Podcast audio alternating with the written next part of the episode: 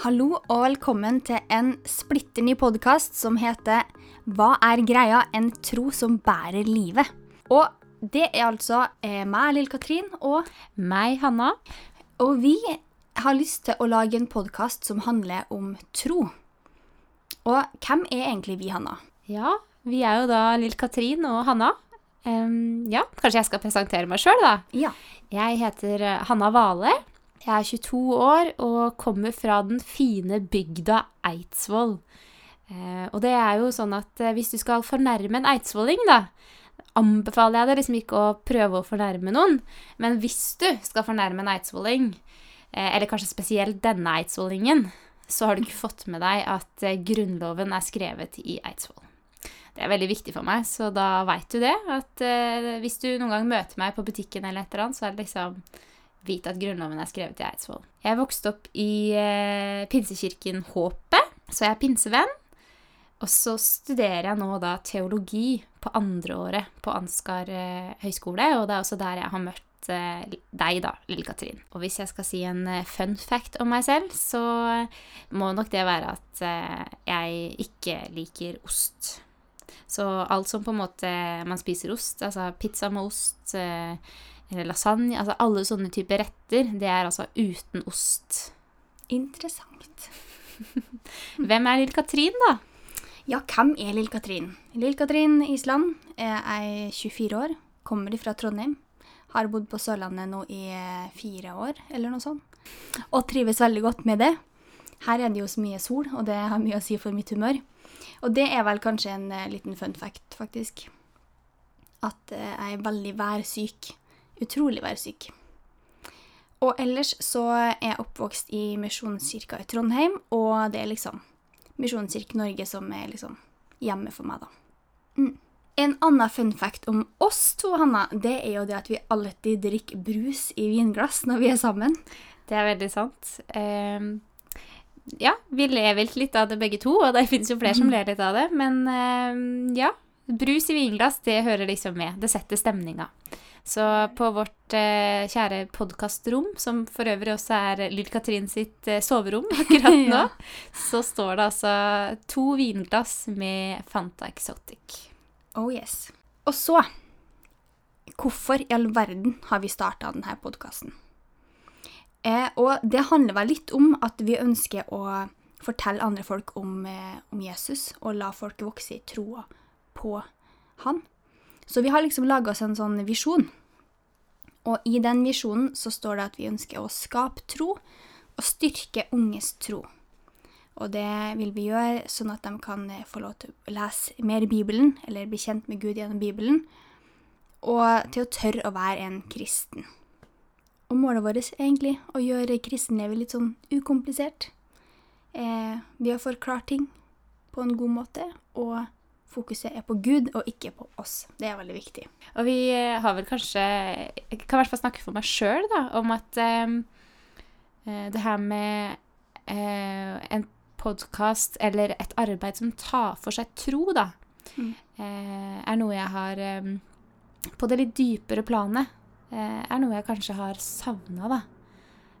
Husker det sjøl, liksom, fra når du går fra liksom være med i ungdomsarbeidet til å liksom plutselig være ung voksen, f.eks. At på en måte eh, Arbeidet der er ikke alltid det arbeidet er på plass, da. Og det er vel kanskje litt den derre stemmen der vi har lyst til å være, da. Mm. Jeg håper på at kanskje noen kan finne mening i det vi har å komme med, da. Absolutt. Kan vi få lov til å være en plass der du kan finne input, så blir vi veldig glad for det. Ja, det er jo sånn at vi i denne podkasten kommer til å ta for oss liksom temaer for hver gang. Ja. Eh, og hva er dagens tema, Lille Katrin? Jo, dagens tema det er det dobbelte kjærlighetsbud og spørsmålet Elsker jeg egentlig Gud? Fin den der.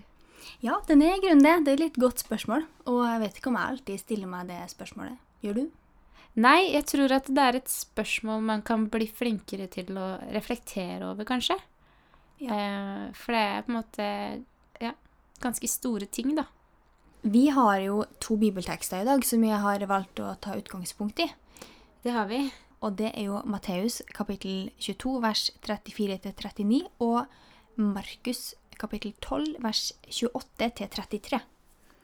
Har du lyst til å lese hva som står i Matteus, Hanna? Det kan jeg gjøre.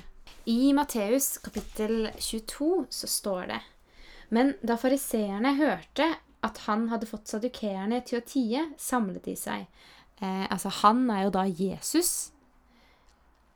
En av dem, en lovlærd, stilte da spørsmål for å prøve ham og sa, Mester, hva er det største budet i loven? Jesus sa til ham, Du skal elske Herren din Gud av hele ditt hjerte av hele din sjel og av all din forstand. Dette er det første og største budet. Men et annet er like stort. Du skal elske de neste som deg selv. Hele loven og profetene henger på disse to budene. Og så står det nesten eh, den samme teksten i Markus, men med litt andre ord, og så den litt kortere, kanskje. Og der står det En av de skriftlærde som hadde hørt på dette ordskiftet og lagt merke til hvor godt Jesus svarte, gikk bort til ham og spurte, Hvilket bud er det første av alle? Jesus svarte, Det første budet er dette. Hør, Israel, Herren er vår Gud, Herren er én. Du skal elske Herren din Gud av hele ditt hjerte og av hele din sjel og av hele ditt sinn og av all din kraft. Det andre er dette. Du skal elske din neste som deg selv. Ikke noe annet bud er større enn disse. De skriftlærde sa til ham, Du svarer godt, mester. Det er sant som du sier, Herren er én, og det er ikke noen annen enn Han. Å elske ham av hele sitt hjerte og av all sin forstand og av all sin kraft, og å elske sin neste som seg selv, det er mer verdt enn alle brennoffer og andre offer. Det er to ganske like beretninger, men samtidig så har de også De legger trykket litt forskjellig. I Matteus så kan det jo virke som at denne den uh, fariseeren altså Han fremstilles jo som en skriftlær, altså en som er lært opp i loven. Mens i Markus så er han mer en vanlig person, da, som eh, søker Jesu ord. Mm. Men budet er det samme. Eller de to budene er de samme.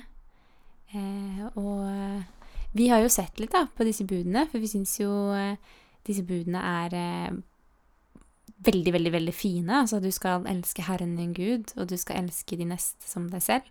Mm. Men eh, de er også ekstremt utfordrende. Ja, absolutt. Det å elske sin neste som seg sjøl, det kan jo være En ting kan man si å, med, liksom, kan jeg elske meg sjøl? Men man kan også si kan jeg elske de neste som meg sjøl? Kan jeg elske vennene mine like mye? Eller eh, greier jeg virkelig å elske Gud? Og det som er litt kult med de her budene her, det er at når vi begynte å se på det her, så tenkte vi jo sånn der, Å, men det her er jo noen av de budene som står i de ti bud. Men så eh, fant vi ut at det var, var det jo ikke.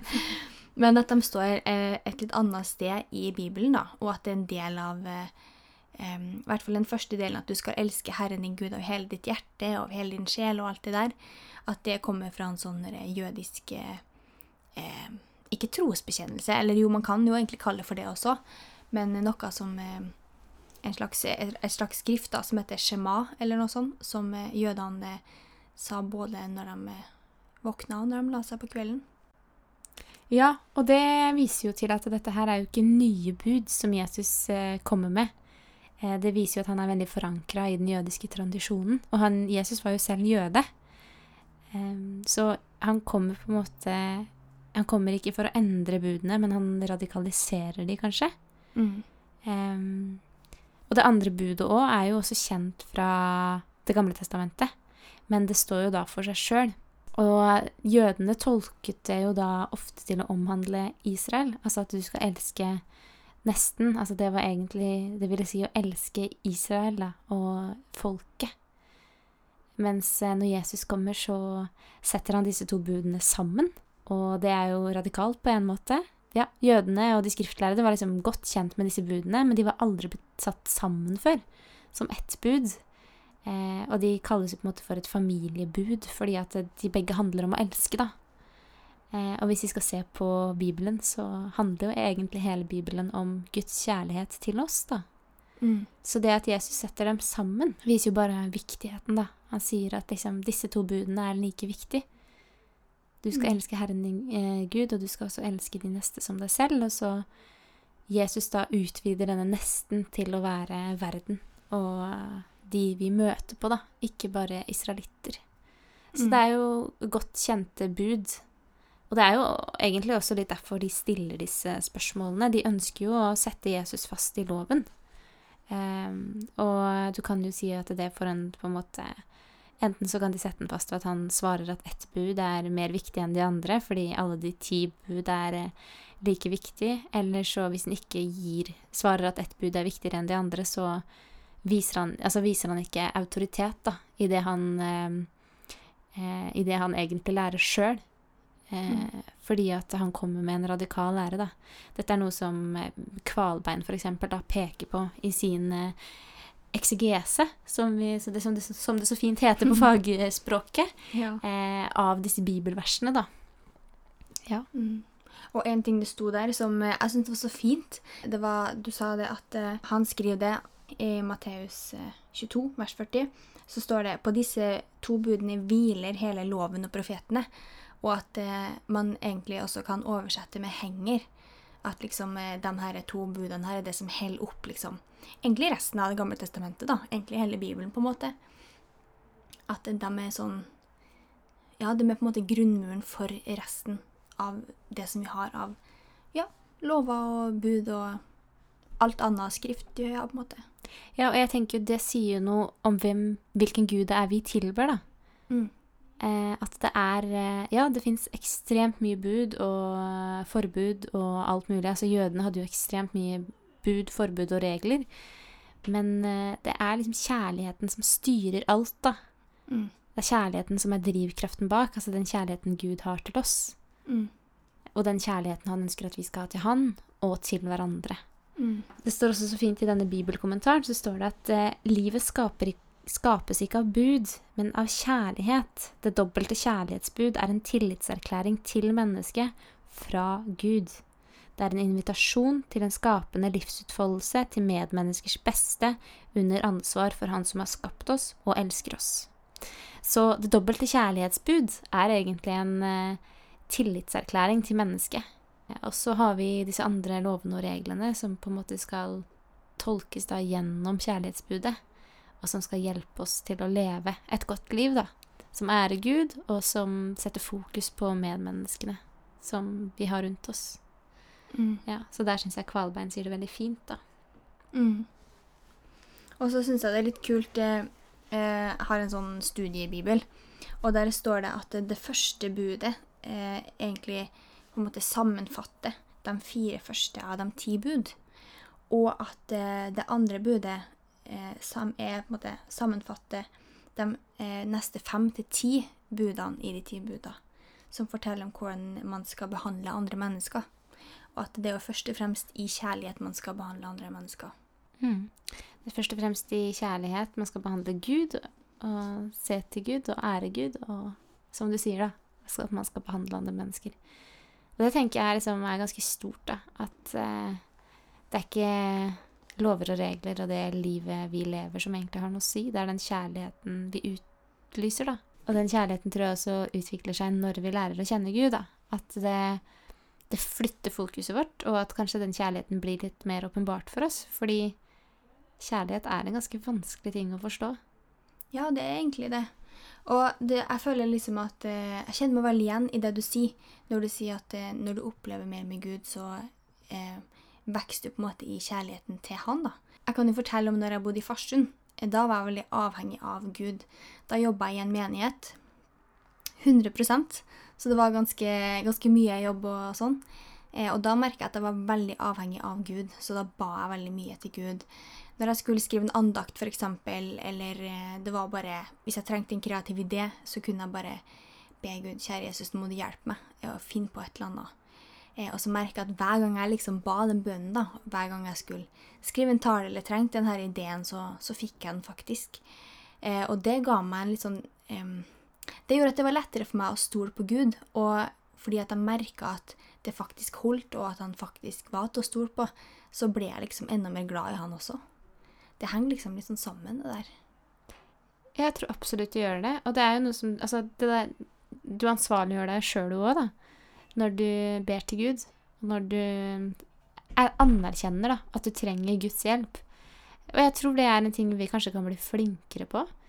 Um, mange jo, sier jo at Gud ikke virker i deres liv fordi at de, de ikke ser han. Han er fjern. Men hvor mye søker du egentlig Gud sjøl, da? Mm.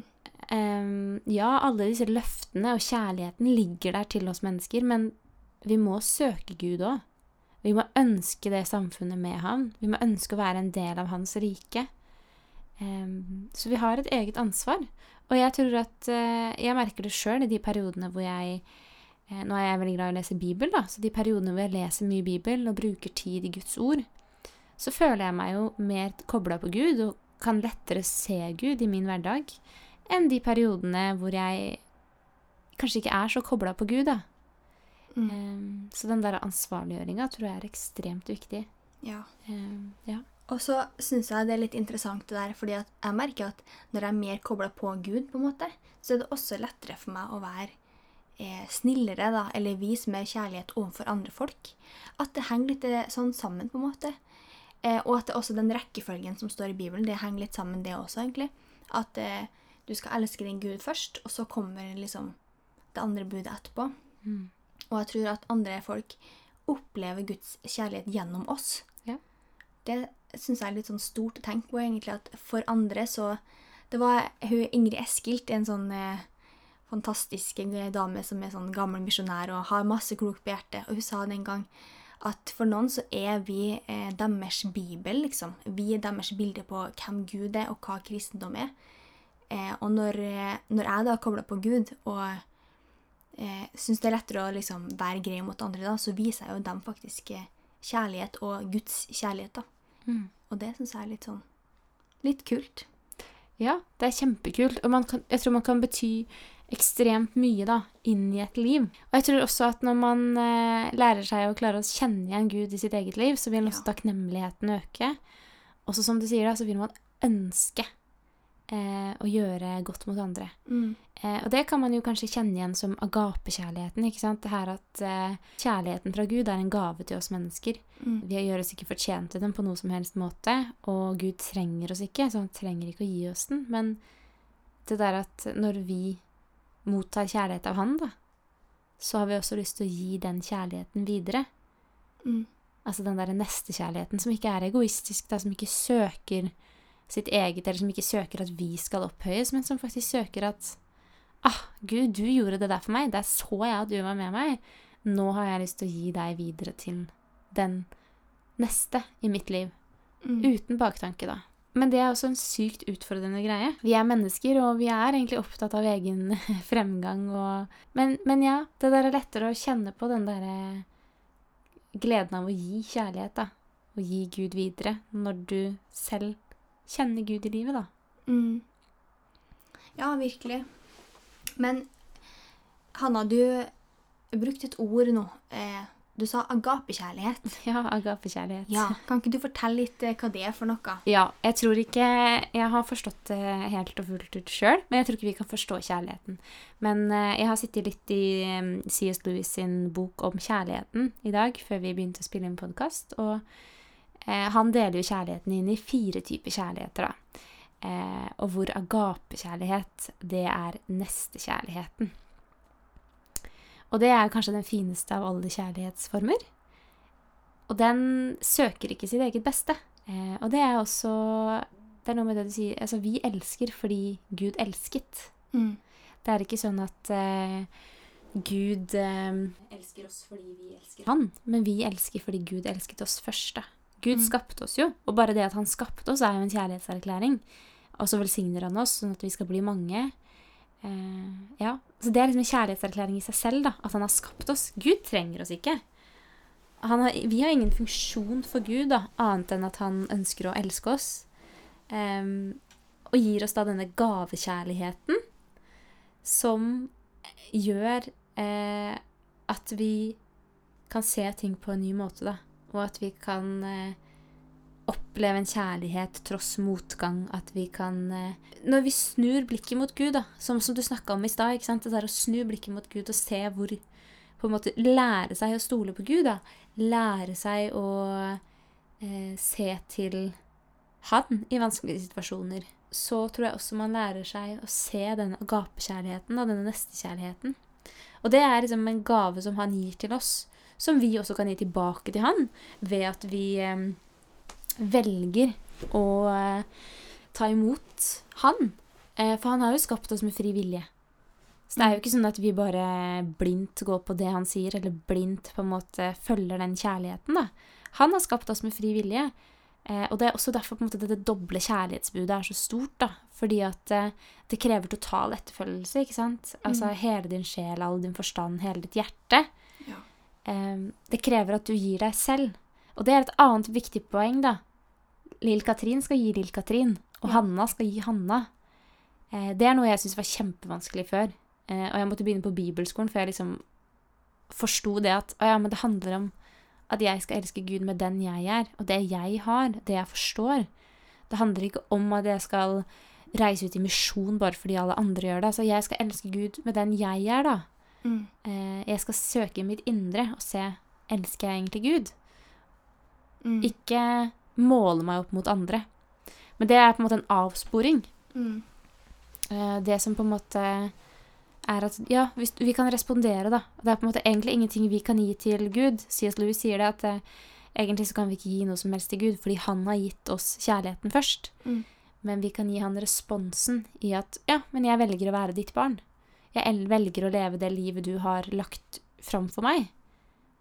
Jeg velger å følge deg. Ja, for da lever du jo egentlig eh, sånn som du var skapt, da, i Guds bilde. Ja. At du egentlig så er det bare tro mot det skaperverket, da. Ja. Og når du lever den veien der, så vil du også, som vi var innpå i stad, ikke sant Da vil du også søke de andres beste fordi du er glad i dem, og fordi du ønsker dem det beste. Ikke fordi du sjøl ønsker å opphøye deg sjøl. Mm. Så den kjærligheten, den gavekjærligheten, da, det er en gave som vi kan gi videre til de menneskene rundt oss.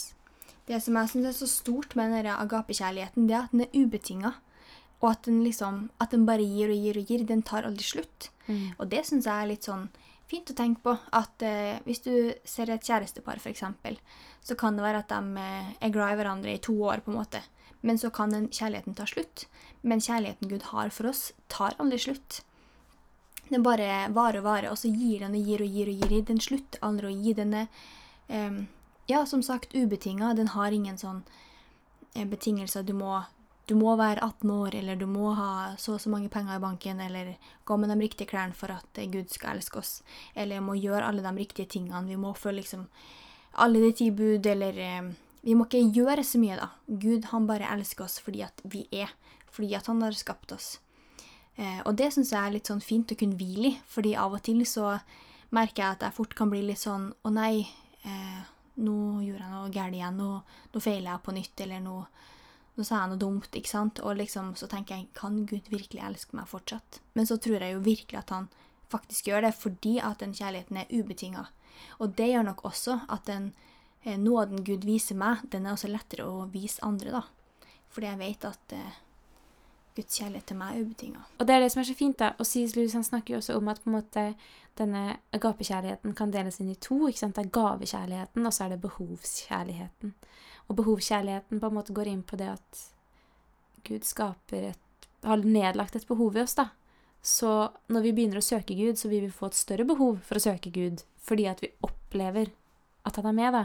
Og det på tross av hvem vi er. Um, for det handler ikke om, da, som du snakker, det er prestasjonsløst. Og det tror jeg kanskje både du og jeg finner veldig befriende. At vi er Mm. litt sånn flinke piker som trenger faktisk ett sted hvor vi bare kan hvile, da. Og hvile i den betingelsesløse kjærligheten. Absolutt. Mens andre kanskje syns det er vanskelig. Fordi at det forutsetter at du ikke gjør noe. Kanskje er du Ikke sant? At um, det handler ikke om at du er snill mot den som står alene i skolegården, eller det handler ikke om at du handler inn for den gamle dama som bor over gangen. Det handler ikke om dine prestasjoner, det handler ikke om hvordan du ser ut. Altså, det er ingenting du kan Du kan ikke bruke deg sjøl, da, for å oppnå den kjærligheten. Nei. Og det tror jeg noen syns er utfordrende, mens eh, vi kanskje bare syns det er ekstremt befriende. Mm. Og så tenker jeg også at det er en styrke da, i dem som eh, har det her eh, Kanskje behovet da for å faktisk gjøre noe um, ja, for andre, eller sånn for å gjøre noe for å føle seg fortjent. Jeg tenker jo at eh, man må jo virkelig ikke tråkke i den eh, jeg vet ikke, i den fella, eller gå i den fella, heter det kanskje. At å nei, em, jeg, må, jeg må gjøre meg fortjent til det. Men jeg tror likevel noe, at det er noe fint med det å kunne gjøre noe videre for andre, da. Kanskje det er en sånn måte Kanskje det er din vei til Gud da, å gjøre en tjeneste, f.eks. Det gjør at du føler deg mer elska, men det gjør også at andre kanskje føler seg elska. Du kan på en måte være et verktøy, men det må brukes riktig. Ja, jeg tror det er kjempeviktig, og jeg tror det er viktig eh, at vi er det verktøyet. Ja. At vi ikke bare blir så opptatt av oss selv og på en måte Ja, nå har jeg det fint, så da stopper jeg der. Eh, men det er jo liksom det, den kjærligheten fra Gud. da. Når Gud gir deg kjærlighet, så får du lyst til å vise kjærlighet til de rundt deg. Ja. Um, og det husker jeg også på en måte Jeg skulle ta over en bibelgruppe. Jeg var 16 år, liksom. Mm. Uh, da er du ganske ung. Ja, Ta over en bibelgruppe. Og gleda meg skikkelig. liksom Endelig så følte jeg at jeg kunne bli brukt til noe. da. Mm. Men så var jeg også veldig der at jeg var redd for at det skulle bli på en måte min egen prestasjon. Eh, at det skulle handle om meg, og ikke handle om Gud. Og jeg husker jeg var på festival, og så husker jeg liksom tenkte at åh, jeg må gå til forbønn for det her, fordi at eh, det må ikke handle om meg, det skal handle om Gud, da. Og da husker jeg et av de tingene jeg sto med, for da, den, hvis jeg ikke husker feil, så på den festivalen så ble det på en måte tatt opp det her med å elske, da. Og jeg syns det var sykt komplisert. Fordi eh, vi tar egentlig opp det temaet ganske lite, hva kjærlighet er. Ja. Vi tar det så ekstremt lite opp, og jeg tror ikke vi forstår det, fordi det er Gud som gir det til oss. Mm. Og vi forstår ikke Gud, så hvordan kan vi forstå fullt og helt ut hva kjærlighet er da? Men jeg husker i hvert fall at hun jeg da, som var forbeder for meg, hun sa det at, eh, at jeg skulle slappe litt av i det. At jeg skulle Ja, at, det, at kjærlighet er noe som vil utvikle seg over tid, da. Eh, og det opplevde jeg også, at på en måte den kjærligheten som jeg da fikk for den gruppa, den var noe som utvikla seg over tid, Mm. og som jeg kunne slappe av i. Um, og så er det også veldig viktig å si noe om det at kjærlighet er ikke bare gode følelser. Mm. Jeg tror det er et veldig veldig viktig poeng å få fram. At kjærlighet handler ikke bare om at, uh, at du, alt er rosenrødt, da. Eh, og da kan man jo sammenligne det med et kjærlighetsforhold, eller en kjæresteforhold. Eh, at eh, alt er ikke rosenrødt der. Det er veldig, veldig, veldig fint når det går på skinner. Men det er jo ikke alltid det går på skinner. Men at det ikke går på skinner hele tiden, betyr jo ikke nødvendigvis at du dropper ut av forholdet. Nei. Så kjærlighet er på en måte Noen ganger så er det vel nesten et valg, er det ikke det? Ja. Jo, jeg vil si det. Kjærlighet er et valg. Det er å Det er å sette andres eh, behov framfor dine egne. Mm. Eh, og det gjelder både i et kjærlighetsforhold, men også i andre I kirka, da. I eh, livet som kristen. Men det er på en måte ikke Det er et valg, og det er ikke bare den derre Ja, det er ikke alltid en følelse, da. Nei. Fordi jeg tror at når vi snakker om kjærlighet, så har vi så lett for å tenke at kjærlighet er en følelse. Mm. Og at jeg kan ikke elske med mindre jeg føler, føler sterkt, da. Mm. Vi kan jo trekke et eh, bibelsk eksempel, som vi har snakka litt om, og det er jo jobb. Ja. Han eh, Han sliter jo litt, stakkars. ja. Livet hans starta jo veldig bra, egentlig. Han hadde jo eh, kone og barn, og han hadde jo et veldig sånn godt liv med masse rikdom, masse eiendom. Og så står det at det jobba en gudfryktig mann. En mann som fulgte Gud, liksom. Var veldig glad i Gud. Og det står til og med at han hadde et veldig godt eh, og nært vennskap med Gud. Og så eh, leser vi om at Gud og djevelen har en samtale, der djevelen på en måte utfordrer Gud og sier at eh, jeg, kan være, altså, jeg er sikker på at jeg kan overbevise alle menneskene på hele jorda at, eh, at de kan komme til meg, liksom, eller at de skal forlate deg, Gud. Og så sier Gud ja, du kan prøve han er jobb, da. Han er min. Han er min med hele sitt hjerte. Og så, så tillater på en måte Gud at det skal gå skikkelig dårlig med jobb, at han blir syk, at han mister liksom familien sin og all eiendommen sin. Eh, og midt i liksom alt som er vondt, så eh, forlater ikke Gud jobb. Eh, selv om Jobb føler at han er langt borte fra Gud og ikke føler at Gud svarer han i det hele tatt, så, så kan vi liksom si at Gud allikevel er med han. Og eh, når Gud eh, føles så fjern for jobb, så kan jeg med hånda på hjertet si at eh, Jobb valgte å elske Gud. Og det står at midt i liksom alt som er, var vanskelig for han, og midt i all smerte, så, så setter Jobb seg ned på, på knærne, liksom, og så, og så tilbyr han Gud. Eh, og jeg vet ikke om jeg ville gjort det samme i den situasjonen, men han gjør det likevel. Fordi han velger å elske Gud.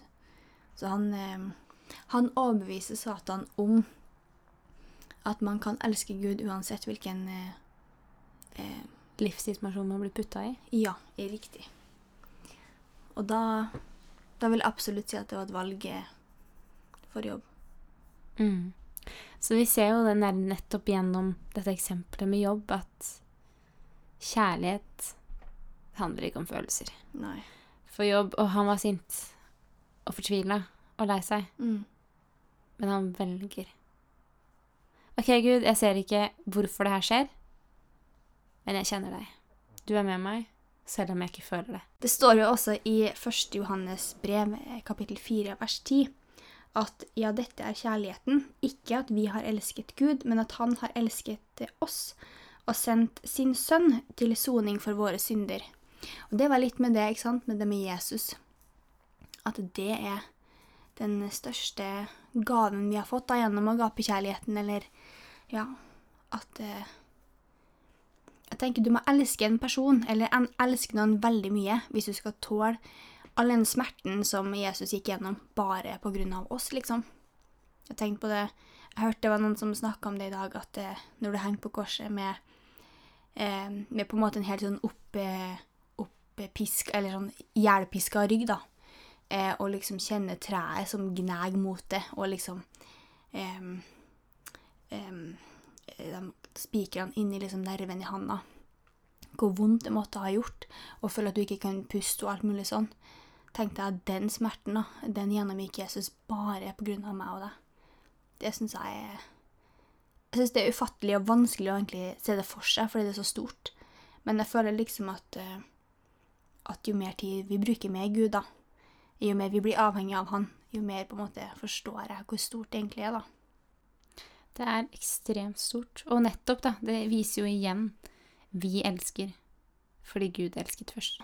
Og hvis vi nå skal da gå enda litt lenger inn i liksom disse kjærlighetsbudene, da, ikke sant? At du skal Mm. elske Herren din Gud av hele din sjel og all din forstand og hele ditt hjerte, Mm. og at du skal elske de neste som deg selv.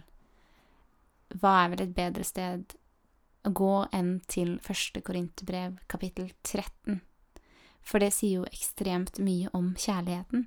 Og hvis jeg skal være helt ærlig, da, så syns jeg at liksom første Korinter, kapittel 13, har vært litt sånn komplisert og kanskje ikke så godt forklart. Mm. Men etter at vi liksom har satt oss ned og studert litt, så på en måte prøvd å finne ut av hva er egentlig kjærlighet?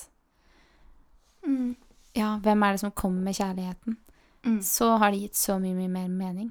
Mm. Kan du ikke bare lese det som står der, for det er så utrolig fint? Jo.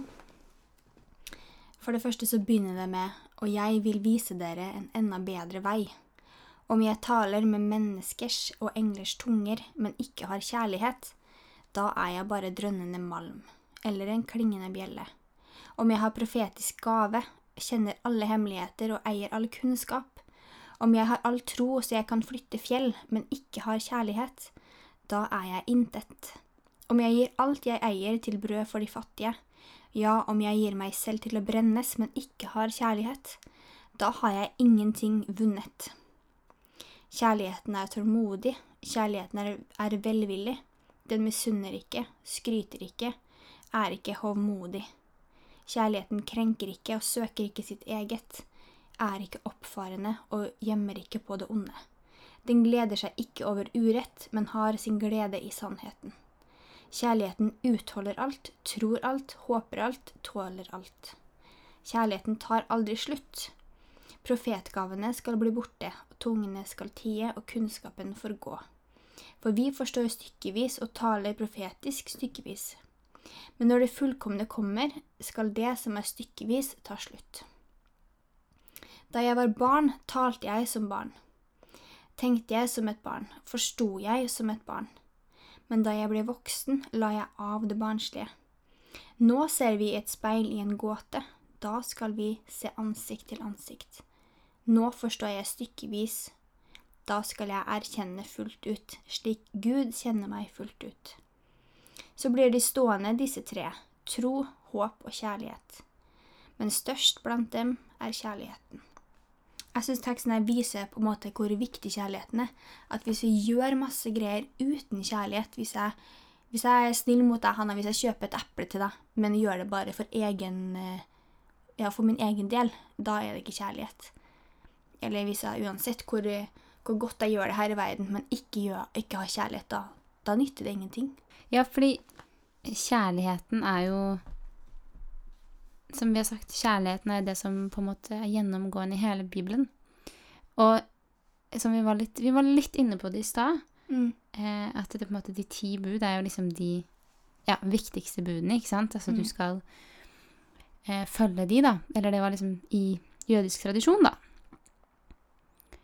Eh, og Jesus blir på en måte stilt i denne fellen når han skal svare. ikke sant? Vi var også litt inne på det, at Ja. uansett hva han svarer, så blir det egentlig feil. Mm. Men han velger jo da, som vi var inne på, liksom, at ja, men disse to budene, det er det som liksom profetene og loven hviler på. At på en måte eh, budene Gud har gitt, de skal ses gjennom det dobbelte kjærlighetsbud.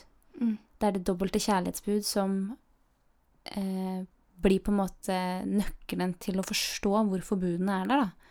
Mm. Og til å forstå hvorfor man skal handle, og hvordan man skal handle gjennom de budene. Um, ja. Du kan nesten si at du tar på deg noen briller, da.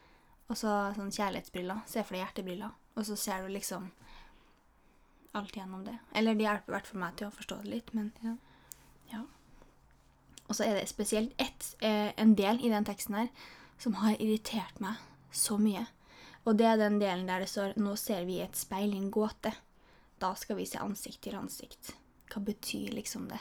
Nå ser vi et speil i en gåte. Så jeg har tenkt mye på det, faktisk.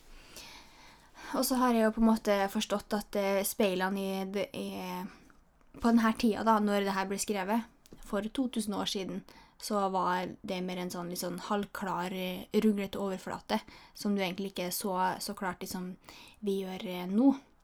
Og så tenker jeg litt på det, vi har snakka litt om det tidligere, at vi har liksom ikke catcha helt det med kjærlighet. Eller det er litt vanskelig å forstå på en måte fullt ut hva kjærligheten handler om. Og så står det her at eh, nå forstår jeg stykkevis, da skal jeg erkjenne fullt ut. Slik Gud kjenner meg fullt ut. Og kanskje det er noe med det, da. At det ikke er meninga at vi skal forstå alt nå heller, men at uh, vi kan bare få lov til å Vi får liksom noen sånn glimt her og der av, uh, av Guds kjærlighet. Mm. Jeg tror det er noe veldig sant i det. Og jeg òg har eh, Ja, som jeg sa innledningsvis, at, eh, eller til, til eh, Korinterbrevet, da, at eh, det egentlig har vært litt sånn som har irritert meg litt. Mm. Men ja, jeg tror nok det er noe som du sier rundt det at eh, nå ser vi stykkevis og delt. Vi kjenner ikke Gud fullt ut. Han kjenner oss fullt ut. Det betyr da kanskje at vi ikke kjenner kjærligheten fullt ut. Og ikke forstår den fullt ut. Men da har vi jo vært innom eh, veldig mange bibelsteder og veldig mange tekster som sier noe om hva kjærligheten er, da. Og det som gjenstår da, er kanskje å gi verktøy til hvordan man kan elske Gud, da. For det er jo litt sånn eh, et litt sånn godt spørsmål, egentlig. Hvordan kan jeg elske Gud? Og husk på at når vi liksom satte ned det spørsmålet, så trengte i hvert fall jeg litt sånn betenkningstid og tenke Hvordan elsker jeg Gud? Gjør jeg egentlig det? Men så tenkte jeg på det, eh, og da snakka vi også litt om det, at eh, når vi på en måte går den veien som vi tror at Gud har lagt ned for oss, når vi er tro mot oss sjøl, mot de gavene og talentene som vi har fått, og de begrensningene som vi har fått, så, så tror jeg at vi elsker Gud da. Ja, Når vi rett og slett er den Gud har skapt oss til å være. Yes. Jeg tror det er en eh, veldig viktig ting å forstå. At å elske Gud trenger ikke å være så komplisert. Mm. Men det kan rett og slett være det å være deg selv. Og så er det du selv som er målestokken da, for, du elsker, for å elske Gud. Altså, du skal ikke måle deg selv med, med den mest, eh, mest kristne personen du kan tenke deg. Du skal måle deg selv med den du er. Mm. Og så skal du la Gud gjøre sitt virke, da. Så ja, jeg tror absolutt det der med at man skal Ja, Mm. vær deg selv. Og så tenker jeg også vær med Gud på den måten som du best er med Gud på. Ja. Altså det at noen finner eh, eh, finner nærhet, i lov, nærhet til Gud da, i lovsang. Mm. Det er kjempefint. Men det Mm. betyr ikke at alle gjør det. Altså, vær deg sjøl. Mm. Finn din vei til Gud. Og hvis du vil vite mer om det, så står det jo en del om det i Målretta liv, eh, eller en bok som heter Målretta liv av Rick Warren. Det har i hvert fall hjulpet, hjulpet meg veldig til å forstå akkurat det du snakker om nå, Hanna. Til å liksom OK, men hvordan er det jeg er som person? Når er det jeg møter Gud? Også som noen møter Gud i lovsang, så er det noen andre som møter Gud på en fjelltopp, liksom. Eller med å hjelpe andre. Men tilbedelse, det er vel kanskje et nøkkelord, da. Vi kan bruke uansett. Hvordan det ser ut. Så er liksom Det å tilby Gud, det er en måte man kan elske Gud på. Å tjene de, de som trenger det på jorden. Jesus sier jo det at det du gjorde mot en av mine minste, det gjorde du mot meg. Ikke sant? Det å være en motvekt da, i det samfunnet vi lever i. Ja, absolutt. Det er jo noe med det, ja, det du sier, at eh, når vi elsker andre mennesker for Gud sin skyld, så får vi liksom en mulighet til å vise Gud at vi elsker han, da. Å bli skikkelig god kompis med Gud. Altså, bruk tid, investere i relasjonen til Gud. Det Ja. også er en måte å elske Gud på. Absolutt. Åpne Bibelen. Bruk tid der. Det er den beste boka i hele verden, spør du meg, da. Det er liksom vår vei til Gud Ja. gjennom Bibelen. Basically. Men sånn er vi veldig forskjellige. Men eh, ja, åpne Bibelen. Se hva som ligger i Bibelen. For det er så sykt mye du kan oppleve i Bibelen som du ikke får høre på prekener, da. Mm. Og også det med bønnen. At uh, be med dine ord. Ikke, det trenger ikke å være så himla komplisert. Det trenger ikke å være sånne fancy gloser som eh, de fra talerstolen bruker. Men bare kommuniser og snakk med Gud med, med dine ord. Det trenger ikke å være en lang bønn engang, men bare det er jo en måte man elsker Gud på. Absolutt. Vi har jo snakka en del om eh, ulike deler av kjærligheten nå. Og det hele starta jo egentlig med det der dobbelte kjærlighetsbudet. Og det at Gud egentlig kaller oss til å elske Han først, av alt som vi har og er, og så til å elske vår neste. Det har vært utrolig spennende og veldig lærerikt, egentlig, å dykke ned i det. Og vi håper jo at dere som hører på, også har fått noe ut av det. Det er jo målet vårt. Nå så vil Hanna lyse velsignelsen over oss. Og i velsignelsen så står det Herren velsigne deg og bevare deg. Herren la sitt ansikt lyse over deg og være deg nådig. Herren løfte sitt åsyn på deg og gi deg fred. Amen. Vi håper at uh, dere har hatt det minst like koselig som det jeg og Hanna har hatt det her. Og kanskje, kanskje, kanskje du har lyst til å høre på oss neste gang òg? Kanskje du til og med blir inspirert til å ta med deg et vinglass og fylle det opp med brus? Kanskje det. det. Det håper jeg i hvert fall at dere gjør. Da sier vi bare ha det godt, enn så lenge i hvert fall. Ha det bra. Ha det bra!